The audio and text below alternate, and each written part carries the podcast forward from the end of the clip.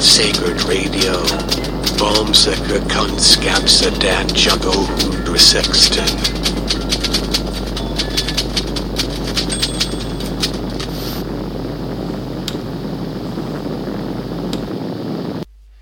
Hej kära lyssnare, jag heter Jesper Grip och idag ska vi prata om delningsekonomi, resiliens och hållbar utveckling tillsammans med Susanna Elfors från Bagarmossens Resilience Center.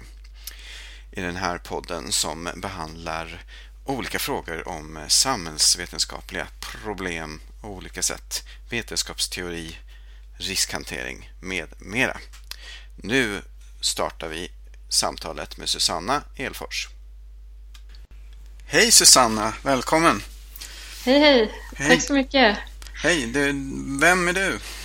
Vem är jag? Eh, jag jag eh, håller på med hållbarhet och resiliens utifrån olika perspektiv och framförallt utifrån eh, grannskap och stadsdelsutveckling. Mm. Jag har en doktorsexamen i bebyggelseanalys Okej,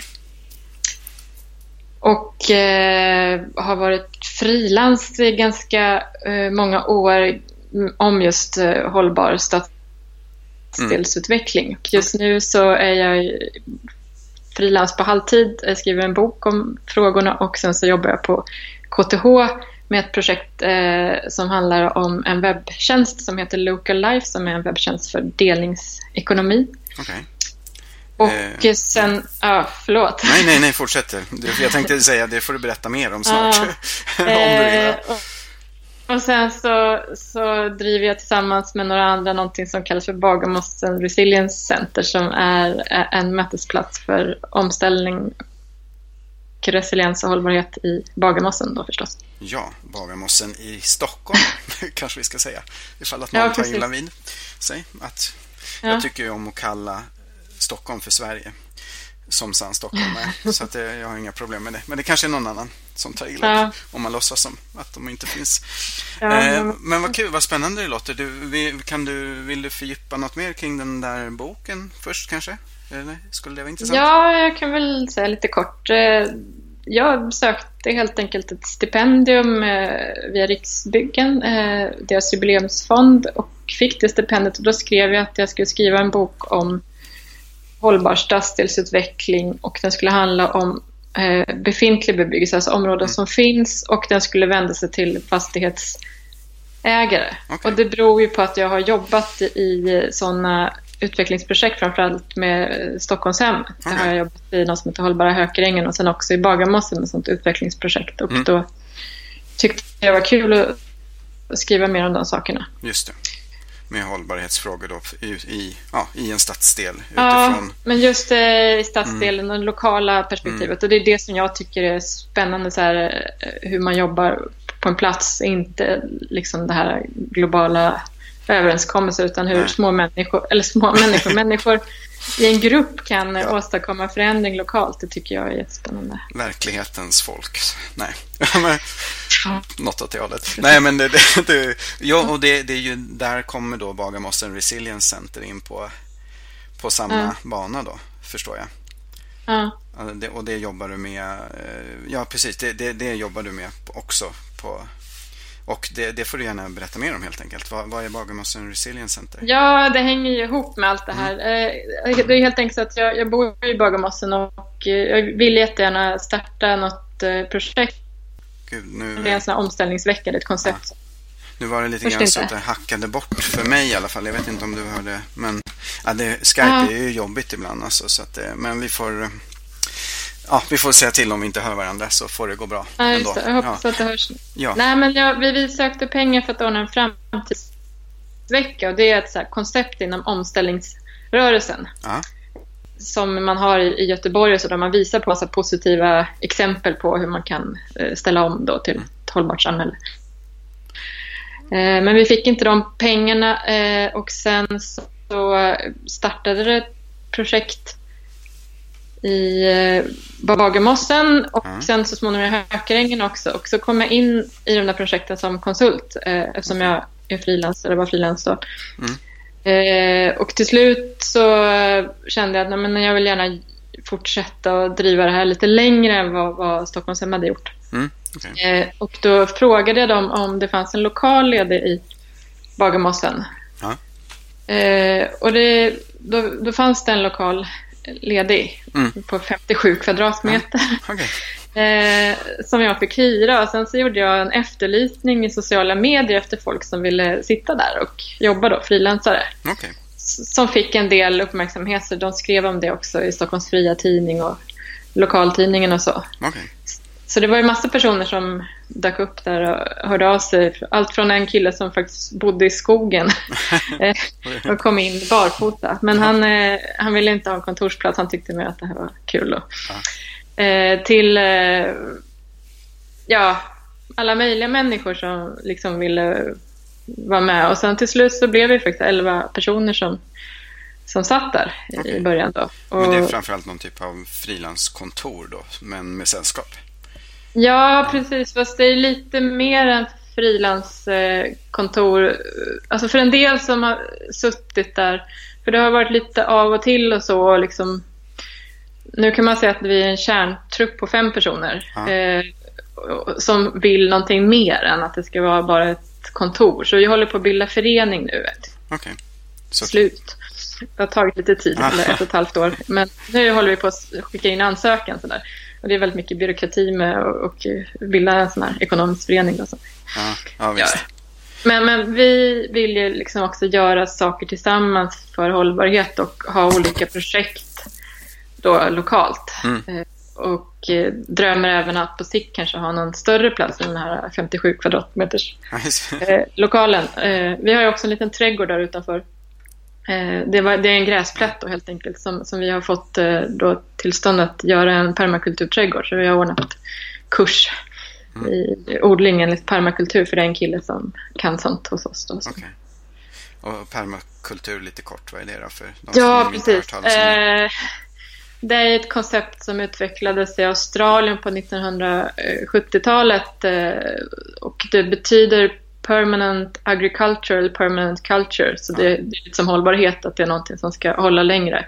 Och man brukar ha 12 olika principer för eh, permakultur och det handlar ju väldigt mycket om att efterlikna naturens processer då. Så det är mycket om odling. Alltså Mm. att, och då, ja, men istället för att kratta bort löv eh, som man gör i en vanlig trädgård så låter man löven ligga för de bildar ju faktiskt jord. Just det. Eh, och man utnyttjar kanske att om det är en sten så kanske det blir lä bakom stenen så kan man odla någonting som eh, är lite känsligt för kyla där och så vidare. Mm, okej. Just det, det är Mm. lite mer att det, ja, som naturen själv är, att man liksom, det är bara ett ständigt kretslopp av, Ja, ja, ja precis. Och det, det, finns, eh, det finns ju också även eh, sociala idéer i permakultur och hur man bygger hus och sånt. Att man ska fördröja värmen, att man kanske bygger en tjock vägg som samlar upp solvärmen och mm, eh, sådana saker. Så det, det finns jättemycket kring det. Det finns ju såna certifieringskurser också i permakultur. ja, Eh, men fokus är ju ofta just på liksom, odling och, och jorden också. Det är väldigt viktigt att man, man bygger i jordar. Så man pratar Ja. om att man bygger upp en jord, inte, just man åker inte och köper en färdig sektor. Man satsar på att det man odlar ska skapa rätt förutsättningar för nästa sak man odlar och inte att man ska liksom tillföra massa ja, olika typer av näring och sånt där egentligen. Nej, inte, man ska ju inte köpa konstgödsel utan Nej. man tillför det lokalt och Ja. sådär. Så att det ledde till att, att vi fick be de förvaltarna på Stockholmshem att komma med löven som de Ja, blåser bort. Så blåste Just det. in alla på våran grästäppa. Sen så åkte vi faktiskt ut till Värmdö så det var ju lite långt bort. Men han, eh, Erik då, som håller på med det, han kommer därifrån och han eh, kände till något stall så vi var och hämtade en massa häst Just det. eh, dynga. Mhm. Fick stå och gräva upp den där och, och sågspån Ja. och grejer. Så att vi har liksom tillfört de här bäddarna väldigt mycket material. Ja, just det. Eh. Men eh, då Bagarmossen Resilience Center, det var alltså det här lokalen som du startade, eller ni startade. Och det, men, Mm. och det är det som blir en förening snart om det vill sig.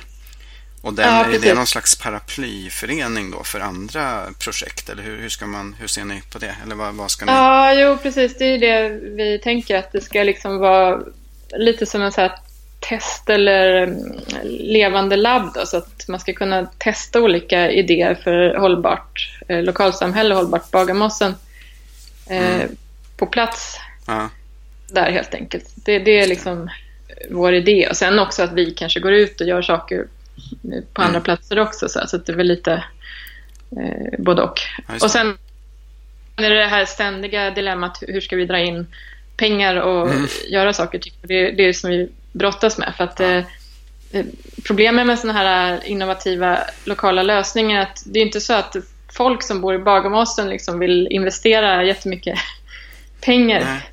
i det. Det kanske man hellre köper en dyr resa eller Ja, bröllop eller någonting sånt. Eh, och då måste man ju ofta kanske finansiera det med någon form av bidrag eller Mm. så. Eller hitta någon annan, någon partner som kan hjälpa en. Och Mm. Det är det som vi brottas en hel del med. Men om man då bor i Bagarmossen med omnejd, kan man vända sig till er om man skulle vara intresserad och få veta mer eller till och med vara Ja, med? Och sådär. absolut. Mm. Eh, man kan ju, när vi är där så kan man ju titta in sådär. Och sen har vi Facebook-sida också Mm. som man kan följa. Eh, och sen har vi ju inte, alltså det är ju det som är ett problem, vi kan inte ha jättemycket öppna verksamheter eftersom eh, vi inte riktigt har resurser i pengar att eh, göra sånt. Vi försöker ju. Eh, så att, men vi har ju vissa saker. Vi brukar försöka ha hoffis en gång i månaden och det är ett, eh, en slags arbetsmetod som egentligen handlar om att man går hem till varandra och jobbar. Så det är Jaha, en kille okej. som bor här som har startat det. Mhm. Ehm, Så man träffas hemma hos någon och har Ja, office, eh, eh, Office, och då blir mm. det Office istället. Då, liksom, Mm. här. Eh, och egentligen ska man inte göra det på ett kontor, men vi brukar göra det på vårt kontor. För det är också en arbetsmetod. Man jobbar i 45 minuters pass. Mhm. Eh, och så har man alltid paus eh, mellan de här passen. Och före passet så berättar alla vad de ska göra. Okej. Och efteråt så berättar man vad man har gjort. Ja. För att hålla fokus och för att de andra ska veta. Liksom. För att då kanske det kommer... Men du, du kanske jobbar med någonting, skriver på din bok eller Mm. Ja, något sånt. Ja, Eh, och sen kanske någon Mm. annan sitter och ska skicka fakturor och någon Mm. kanske pluggar spanska. Liksom. Mm.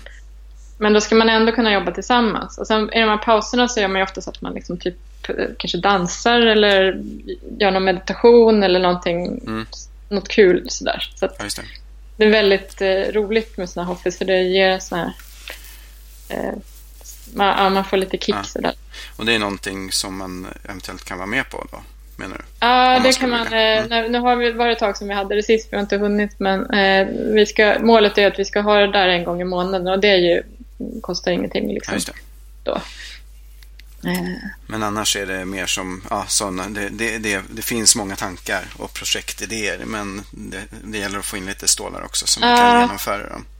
ja, det vi hoppas, vi, nu har vi jobbat med det här Local Life-projektet där. Ja, Eh, men vi måste få lite klartecken med att vi ska få en viss budget för då kommer vi ordna en hel del event också. Mm, det okej. får vi veta imorgon om vi lyckas med våra, vårt uppsåt.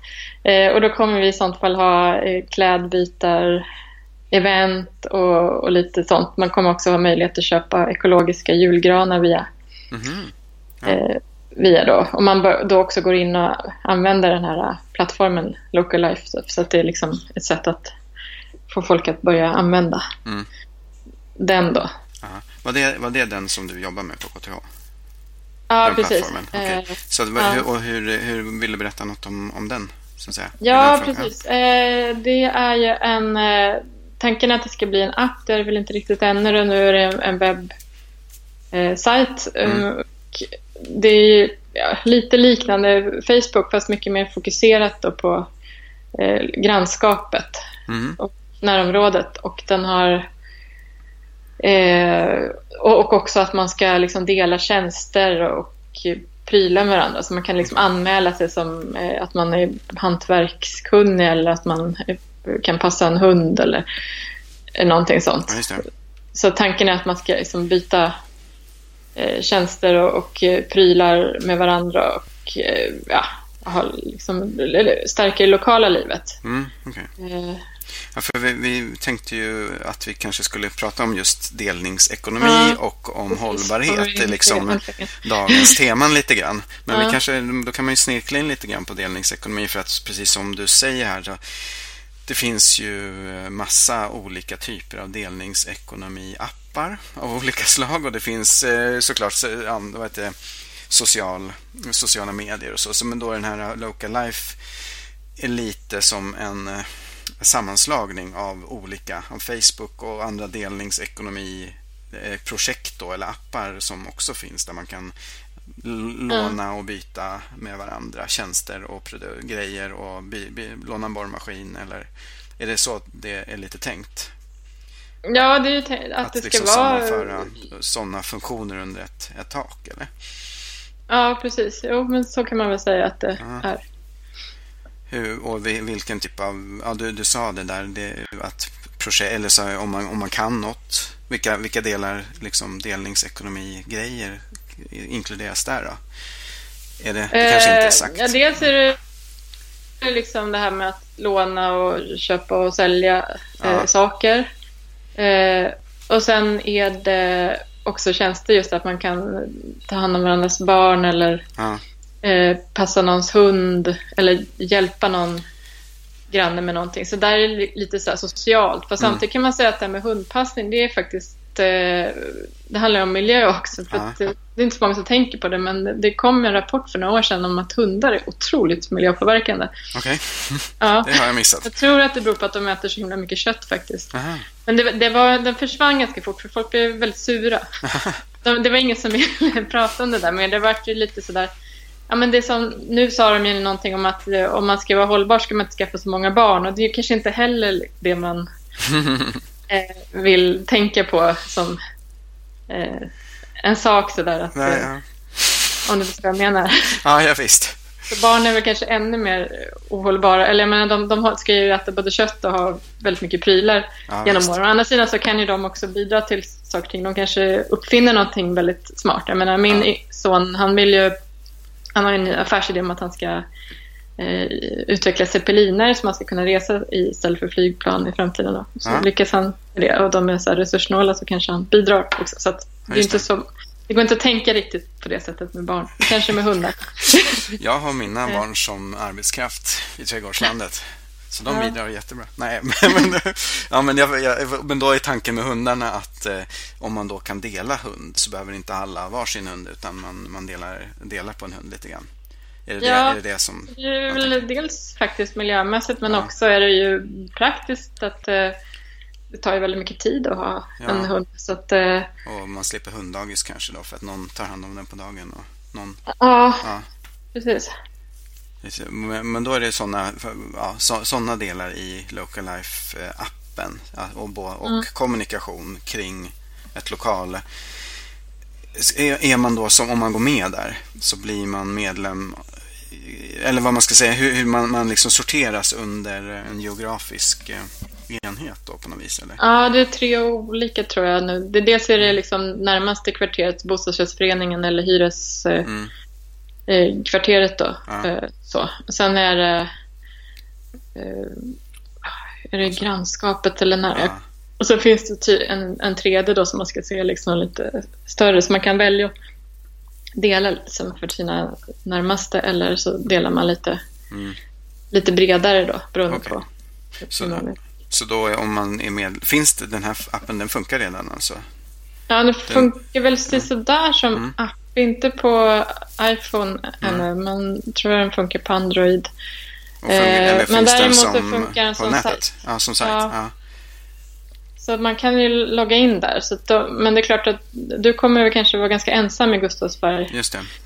Eh, men just nu. Någon måste vara första. Ja. ja. Eh, men det, det är då... det som är grejen, att vi måste ju få fler användare. För när det finns många användare som fyller med innehåll så blir det intressant att vara där. Det är det som är liksom. Men då går man in på localife.se då, något, eller? Ja, precis. Mm. Ja. Och, och, kan registrera sig och så? Ja. Ja, för det, det, det, finns ju såklart många olika sådana här äh, delningsekonomi appar och sajter av olika slag. Och, äh, så, så det, det, finns ju liksom allt ifrån de här väldigt enkla, vad man ska säga, och, och sådana som är väldigt ganska lokala eh, och delar borrmaskiner med varandra eller hyra ut dem.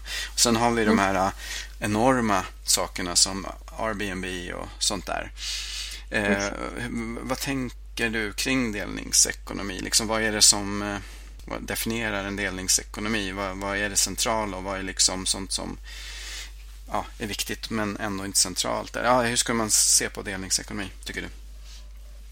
Uh, ja, nej, men det är, är det väl i första hand kanske och varför ja, är det bra?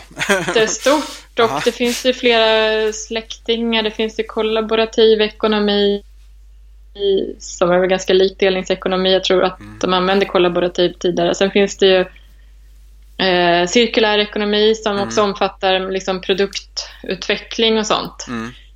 Delningsekonomi är ju mer liksom hur man använder produkterna. Jag tror att kollaborativ kanske är mer det här äh, grannskapsutbytet medan delningsekonomi, då ingår ju de här äh, Uber och Airbnb som mm. är ganska rent kommersiella, kommersiella tjänster ja. och inte heller behöver handla om hållbarhet egentligen. Eh, utan, jag menar, mm. Airbnb kanske är hållbart på det sättet att man inte behöver bygga massa hotell då om ja. det utvecklas mycket. Mm. Men det kan vara ohållbart ur ett annat perspektiv för det är mycket billigare än att hyra eller ha ett hotellrum och det kan ju leda till att folk reser mer då. Just det. Eh, det finns ju till och med en sån här bytestjänst man byter eh, bostäder med varandra. Ja, visst.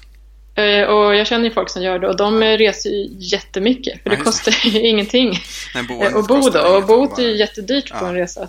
Ja, visst. Eh, så det är en sak om de åker tåg överallt mm. men om man flyger så är det ju inte hållbart. Just det, så att det är liksom ur ett perspektiv så, så kan det vara bra för att man slipper bygga fler hotell. Ja. så att säga, ur ett annat perspektiv så, så främjar det resande, vilket är oftast det via flygplan. Ja, precis. Och, och, inte positivt generellt för klimatet. Nej, för klimatet kan det vara positivt för sociala kontakter. Ja, ja, men det är en lång diskussion det mm. Men det som är delning i delningsekonomi då, är det själva, alltså just det att man kommersiellt eller inte, men att man delar på ägodelar och tjänster. Och att det är via eh, olika typer av applikationer eller alltså digitala lösningar. Är det det, är det, det, ja, det, som, är det, det som är delningsekonomi eller vad säger du? Om, väl bara själva definitionen? Blivit, eh, jag tror att det möjliggörs på ett annat sätt eh, via mm. digitala mm. tjänster. Ja. Eh, sen har man ju delat på saker tidigare också. Jag menar, i bondesamhället så delar man ju väldigt mycket på allting. Ja, just det. Eh, alltså slutar man väl dela på saker ja. istället. Och, och, under en period så har det ju varit väldigt viktigt att man ska äga saker. Det ser man ju på den äldre generationen, eller de mm. som är kanske födda på 40-talet och så. Att det är så här, ja, man ska ha sin servis och ja. sina grejer. Och det kan ju bli provocerad av det här med att man skulle dela bil. Så här, men min bil, det är ju min bil och sådär. Mm. Ja, visst. Eh, och det tror jag håller på att ändras i en yngre generation. För vi har liksom vi har haft så mycket saker. Jag, jag är inte så himla ung, men kanske en ännu yngre generation. eh, men eh, att... Eh, nej, men att vi har ju liksom, man är nästan blasé liksom för att ja. det, det är prylar överallt och man ser de här loppisarna folk bara ja. häver ur sig grejer. De vill ju bara bli av med allting och ingen vill ju köpa till slut. ingen vill ju ha någonting nytt och så. Eh, och då tycker man att det vore ganska skönt att slippa allt det här bråtet då, mm. och, och, kunna dela istället, tror jag. Mm, ja, visst. Ja, det är säkert en, en kulturfråga i mycket. Vad man tycker är okej att dela med sig av. Det liksom, tycker man att det känns bra att någon kommer och sover i ens eget hem och, och sover hos någon annan? Och, ja, mm. sådana där. Så det, det finns väl många aspekter av det och också de här juridiska och eh, vad ska man säga, eh, vad heter det? Ja, men så här organisatoriskt, eller man ska säga, institutionella aspekter. Liksom, att, att många saker inte är riktigt anpassade för att man ska dela. Liksom försäkringar gäller inte om någon annan har sönder min borrmaskin som jag har hyrt ut för 25 kronor över en dag. Eller, ja, men, ja. Det, det, kan ju kanske förhindra för om då de här digitala lösningarna, tänker jag. Det är alltså i första hand olika typer av appar och sånt där som gör att folk kommer i kontakt med varandra och får en möjlighet att hyra ut sin bostad till exempel. Det är ju mycket enklare liksom att göra att det blir enklare med Airbnb gör ju att mm. fler mm. går in så det liksom att, vad ska man säga, kvantiteten övergår i kvalitet, som man skulle säga i vissa mm. kretsar. Mm. Sådär. Men det som då ligger som förhindrande är väl kanske gamla typer av strukturer, då, juridiska och institutionella, som gör...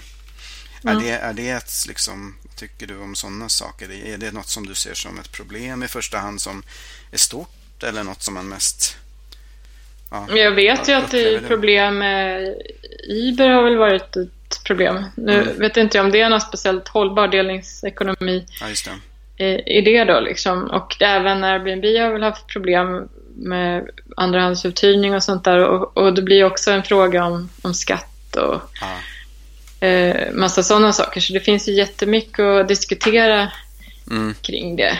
Och, och, det kan man ju även se, det finns något som heter tidsbanker till exempel. Det är inte riktigt delningsekonomi men det är liksom ett sätt att komma till ett mer pengafritt samhälle då. Att man mm. liksom byter tjänster med varandra då. Och då skriver upp tiden man har lagt ner ja. och sen får man ta ut den på något annat sätt. Och det är ju väldigt ja. trevligt men det finns ju en baksida på det. För vad händer om man har lånat eller fått olika tjänster från folk och så blir man själv sjuk. Ja, då kan man inte ge tillbaka. Det finns, mm. menar, I vårt samhällssystem har vi då ett försäkringssystem då, i skatten mm. och då får vi liksom sjukpeng om vi blir sjuka och, och sånt. Eller ja, bidrag, försörjningsstöd ja. om vi är riktigt illa eh, däran. Så, mm. så att det, de frågorna tycker jag är, är viktiga att diskutera liksom, när vi gör om sådana här strukturer. Vad har vi för liksom, skyddsnät och mm säkerhetsnät i det hela. Och det så länge det är väldigt småskaligt och lite som händer så spelar det ingen roll. Men liksom skulle det här bli mycket, mycket större så är det klart att det förändrar ju samhället. Liksom. Mm. Har du några sådana aspekter på din, din local life? Lo inte min local life. Nej, okej, inte din, men det som du jag, arbetar med. Jag bara hjälper till. Och ja. Finns det några sådana aspekter i, kring den som är problematiska? Eh, nej, vi har inte kommit så långt än där att, eh, att vi skulle se det. Så att, nej, jag kan inte svara på det ännu. Nej. Jag tror att det är liksom så pass liten skala som det är frågan om så att jag tror inte att det är aktuellt. Nej, okay. men, men eh, man vet ju aldrig vad som händer eh, mm. när saker och ting eh, blir stora. Nej, ja, visst, visst. Sen finns det ju sånt som också skapar, att det skapas lösningar via sånt. Det finns ju såna här bildelningstjänster. Mm. Snap har till exempel en sån som jag själv har använt eftersom vi har ingen bil. Nej. Och, och, då kan man då hyra bil av sin granne eller någon i området. Mm. Eh, och det tyckte jag var väldigt praktiskt. För att eh, istället för att gå till en biluthyrningsfirma så, så kunde jag hyra bil typ 500 meter hemifrån eh, från en person. Och det var billigare också än att hyra ja. en. Och, och då har de ju fixat det juridiska så att då finns ju försäkringarna okay. inbyggda i systemet. Så har de också tagit bilder på alla skador som bilen har och sen så gör man en kontroll som man liksom checkar in eh, när man hämtar och lämnar bilen så att liksom, de kollar att allting är schysst och, och sådär. Mm. Så det innebär ju att eh, skulle det hända någonting så, så är det liksom reglerat. För om jag skulle mm. jag låna en bil lite ad hoc av en granne och så skulle jag råka krocka med den så kan det ju bli väldigt pinsamt och jobbigt mm. och bli ovänner eller någonting sånt. Ja, men visst. så att, så att eh, där tyckte jag att, att de, då har de ju ändå skapat en slags eh, Just det, och då har man liksom tagit lösning. Ja. ja.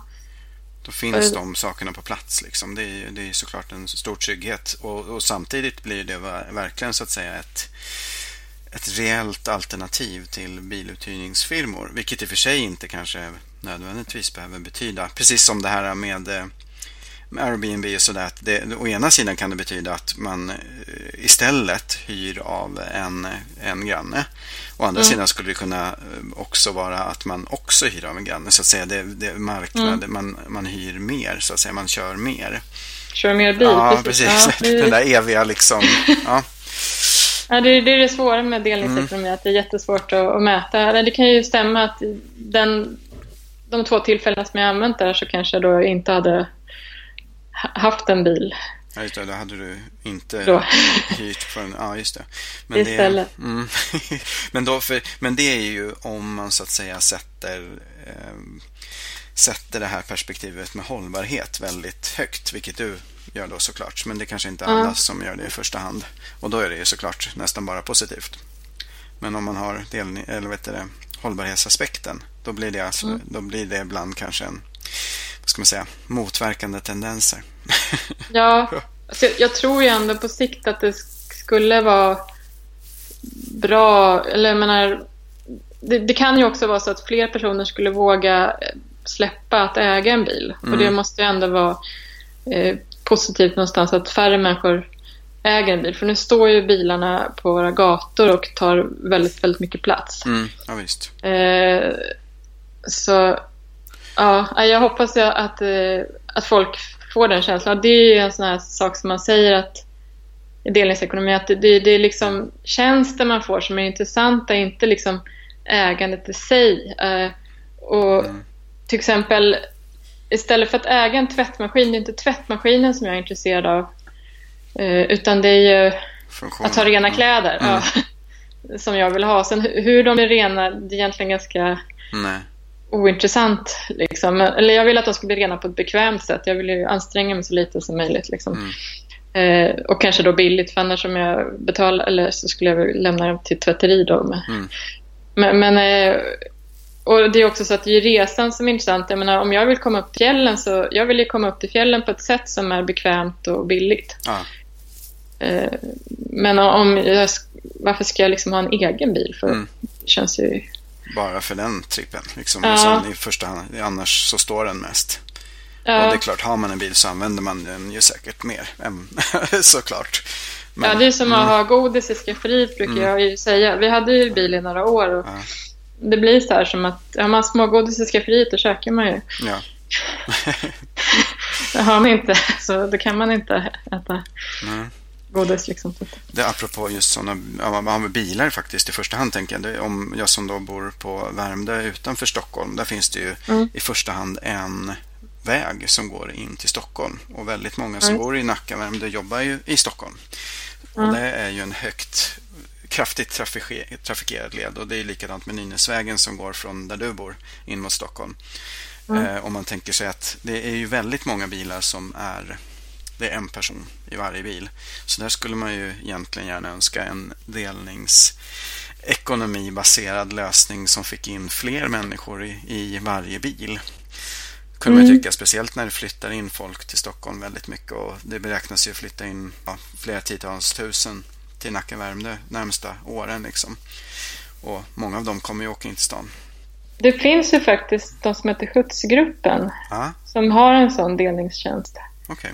Som är utvecklad på landsbygden i Ja. första hand där det har liksom behövts då. Men jag vet inte om den finns i Värmdö men jag Ja. håller med om att det borde behövas för när Värmdövägen är fruktansvärt trafikerad. Sen har ni också väldigt dålig kollektivtrafik eh, in tror jag. Eller Ja, det är nog lite olika det- beroende på var man bor. Det är ju bussar i första hand, men, men, men beroende på var man bor så... För, det, för mig råkar det vara så att det går väldigt snabbt och bra. för Ja, jag ja. bor så till att det går många bussar hela tiden och Ja. de har busskörfält. Men, men på andra ställen lite längre ut så kan det ju vara väldigt långt mellan bussarna.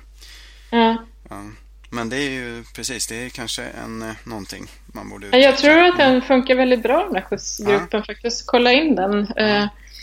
Eh, Jag har ju själv aldrig testat det men, men absolut så... Och det, som det är spännande med det där är att det också leder till social hållbarhet. Det är det som är så intressant. Jag menar, börjar du åka bil tillsammans med någon människa så kommer ju du förmodligen lära känna den människan. Ni kommer Mm. sitta och prata om era liv och så vidare. Just det. Ja, har ni otur så blir ni väl ovänner. Ja, precis. Men eh, har ni tur så stärker ju det banden då liksom, istället för att ni sitter ensamma. Just det. Man bygger så upp som sociala Ja. shit mellan människor helt enkelt för att man träffar varandra och pratar. Ja, Ja, istället för att lyssna på sin, sin iPod eller något i bussen och gömma sig som vi tenderar att göra. Jag också. men, men för del, eh, det, det finns ju mycket att säga om delningsekonomi, men, men det här med hållbarhet och resiliens har ju varit inne på massa gånger redan. Mm. Men vi kanske ska, ska prata lite mer om det.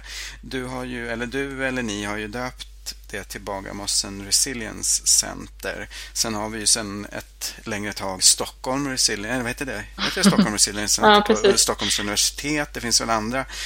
Varför kallar man det för resilience? Är det bara för att hållbarhet låter lite svenskt och tråkigt? Eller finns det någon skillnad mellan resiliens och hållbarhet? En del har ju klagat på det. De bara, måste ni ha något sånt konstigt engelskt namn? Och det låter som en fransk maträtt. Och jag ja, vet inte vad.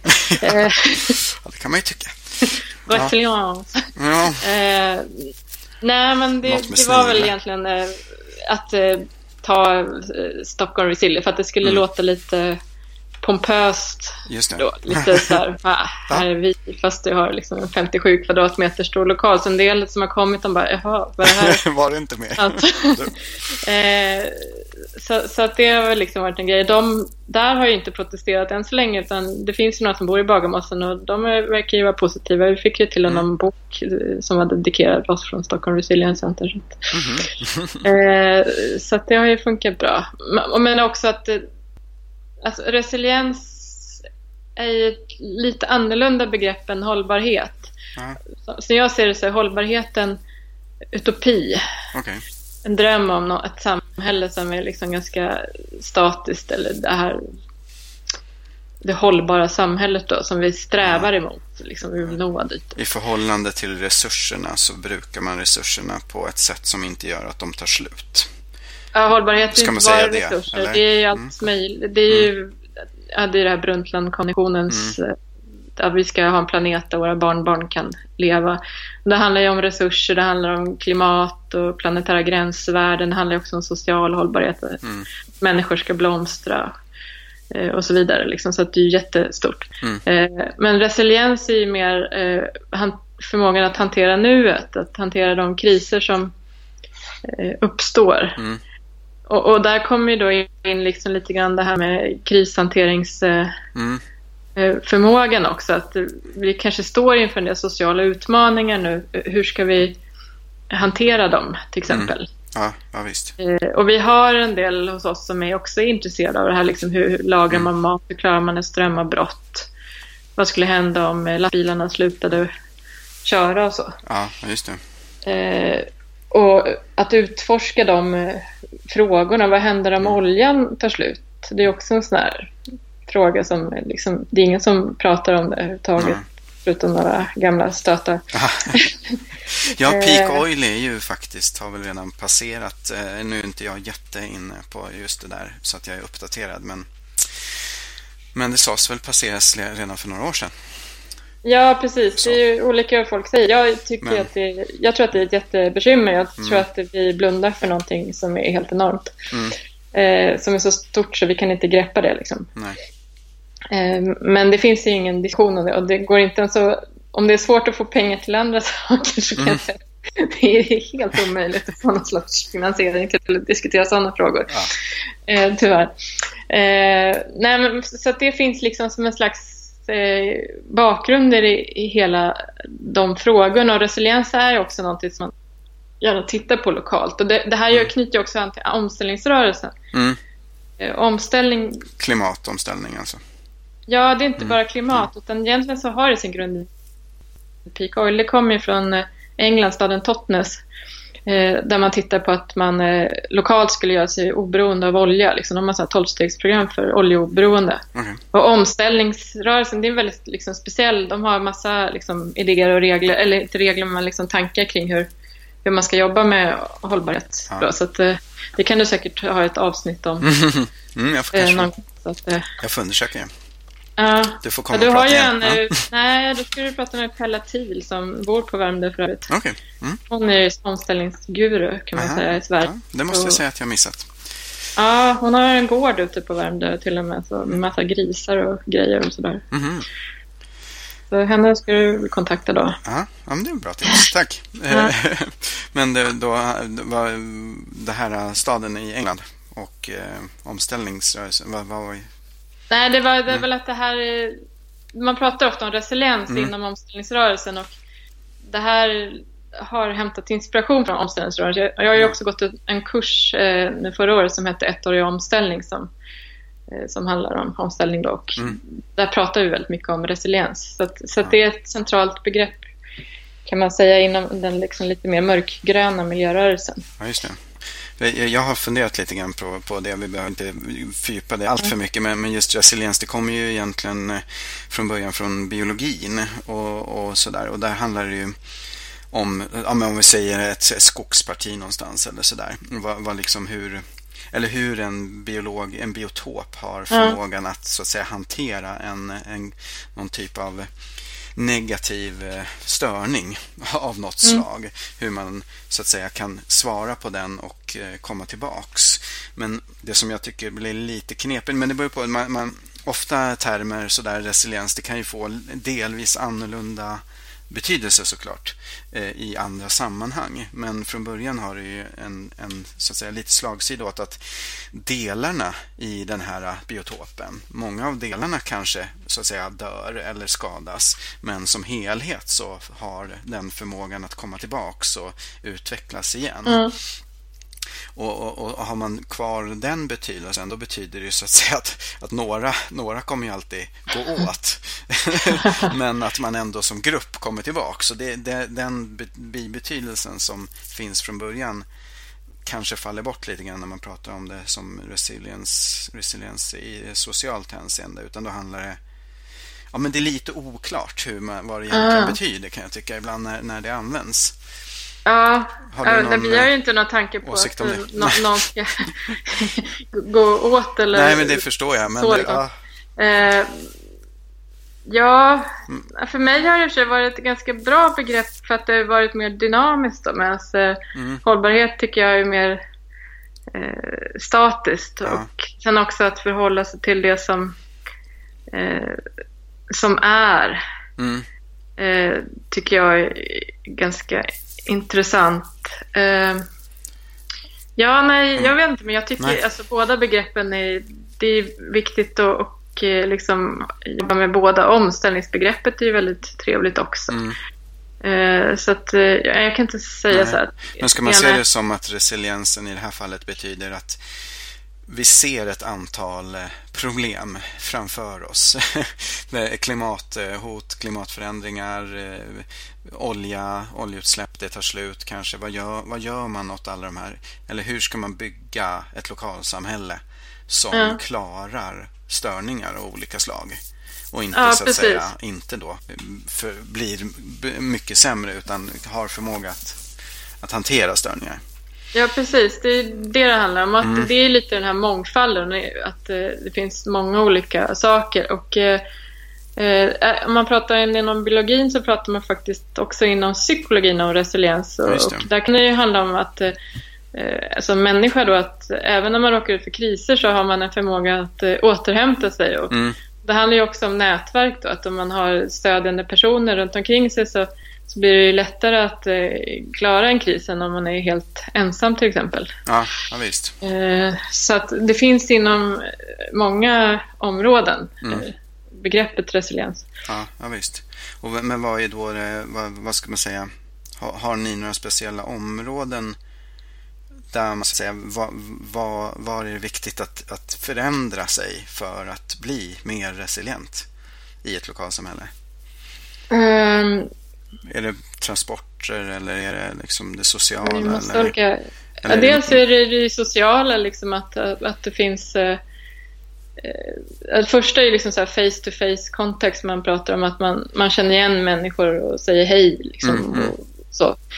Eh, och det betyder ju jättemycket att man liksom känner igen sina grannar och så. Ja, Eh, och sen nästa steg är ju att man också kanske vågar eh, låna ut saker till varandra och, och sen också att man kanske jobbar och gör saker tillsammans Mm. i lokalsamhället. mm, Eh, så det, det är ju en jätteviktig sak. Men sen kan man ju tänka sig system också. Jag menar till exempel ju mer man kan producera maten mm, eh, lokalt desto mindre risk om nu de här lastbilstransporterna skulle upphöra. ja just det. Eh, så vi kanske inte kan göra allt, men Nej. där, det, det är liksom så att sådana lokala system och lokala kretslopp och så. Att man, man liksom använder matavfallet som produceras i huset och komposterar det lokalt och sen lägger det på jorden. Mm. därför har ju vi till exempel en sån här bokashi-kompost som vi komposterar på. Okej. Va, vad är det för... Det, Eh, här, just det ordet har jag inte hört förut. Ja, det är såna här äh, japanska mikroorganismer som man Okej. blandar i det. Så fermenteras det. Och så har vi en sån här speciell bokashi-bänk ute då. Så då får Mm. ligga där och sen så lägger vi ner i jorden då. Bryts det ner eh, mycket snabbare? Eller bättre? Ja, eller? det bryts ner snabbare och bättre på något sätt med Ja, de här okej. mikroorganismerna. Hela liksom jorden när- Mm. när den får de här. Okej. Eh, för jordarna har ju, saknar ju mikroorganismer idag Ja, på grund av att vi har utarmat dem så mycket. Så. ja, ja, visst.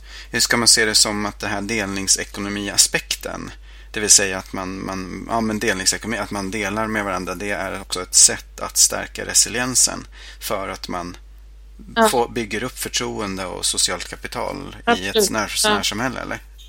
Ja, absolut. Är det en uttalad tanke? Det är det. Mm. Ja, det kan man säga. Ja. Så att det hänger ihop. Ja, just det. Så det är alla de här dina projekt eh, med, med appen. Det är inte bara Ja. Eller Mina, dina. jag- Nej, men vi du, du, så, du får vara representant.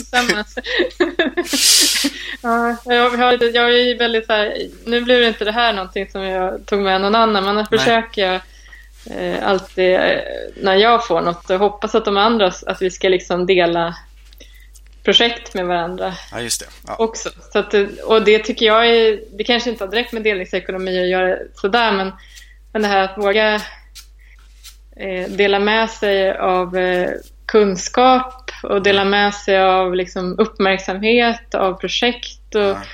liksom, arbeten och sånt. Det är också en slags eh, delningsekonomi, att man inte sitter liksom, och tjuvhåller själv på sin grej. Nej, För det är ja, faktiskt visst. roligare att göra saker tillsammans. ja. Och det är klart, det blir kanske lätt. Ja, nu för att jag pratar med dig så blir du liksom den som gör det. Ja, men så är det ja, det blev lite svårt såklart. att vara flera på det här kanske. Ja, Men ja, precis. Men, Jag kan gärna tipsa om personer du pratar med. Sånt. ja, eh. ja, men det är bra. Det gör jag. Det tar jag gärna emot. Eh, nu måste jag se här på, i Ja, min lilla frågelista om det var någonting mer som... tänkte, men är det något annat som, som du har funderat kring som du skulle vilja ta upp? Eller kring de här Nej. frågorna eller något annat? Tror att jag har nog sagt ganska Vi har avhandlat allt. precis. Känns så. Ja, det, alltså, det, det, det är ju jättespännande allt det här som ni håller på. Jag, jag såg ju det, du var ju med i Dagens Nyheter, eller ni i Bagarmossen Ja. Resilience Center.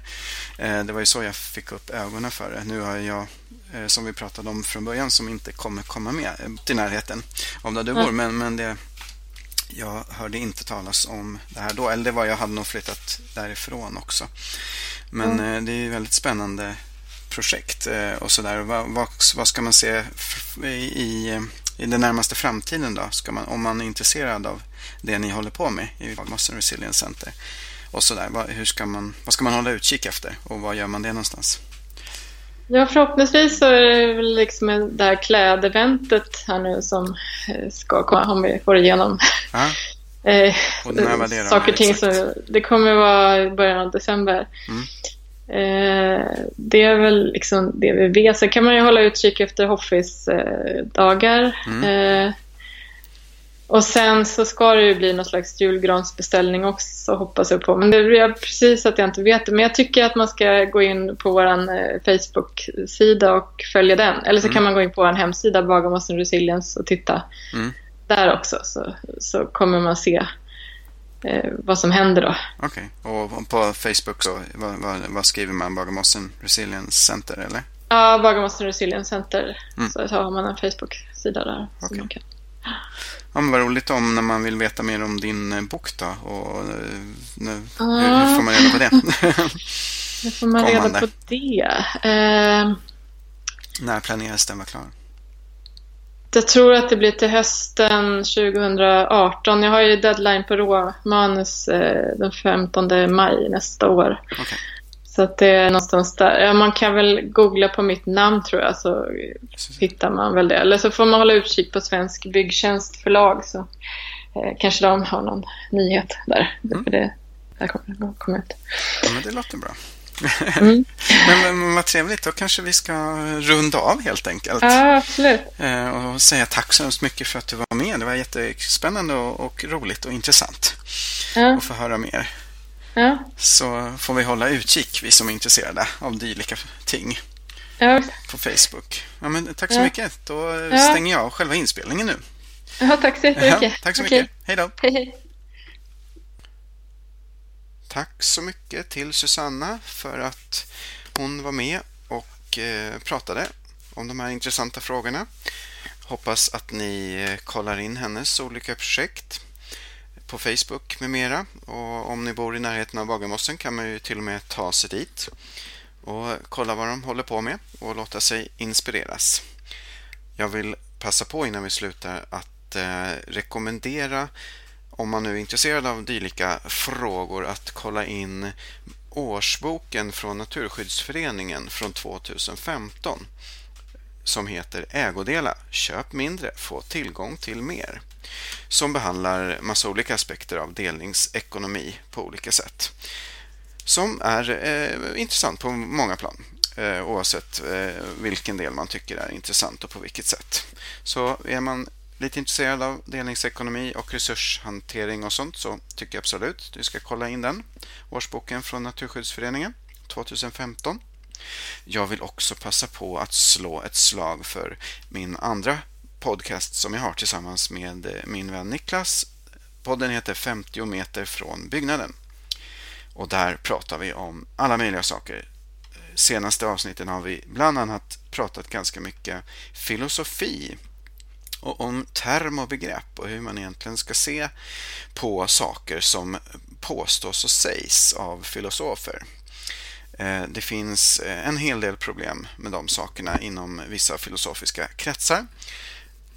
Skulle tycka att det var jättekul om du lyssnade på det 50 meter från byggnaden tillsammans med Niklas.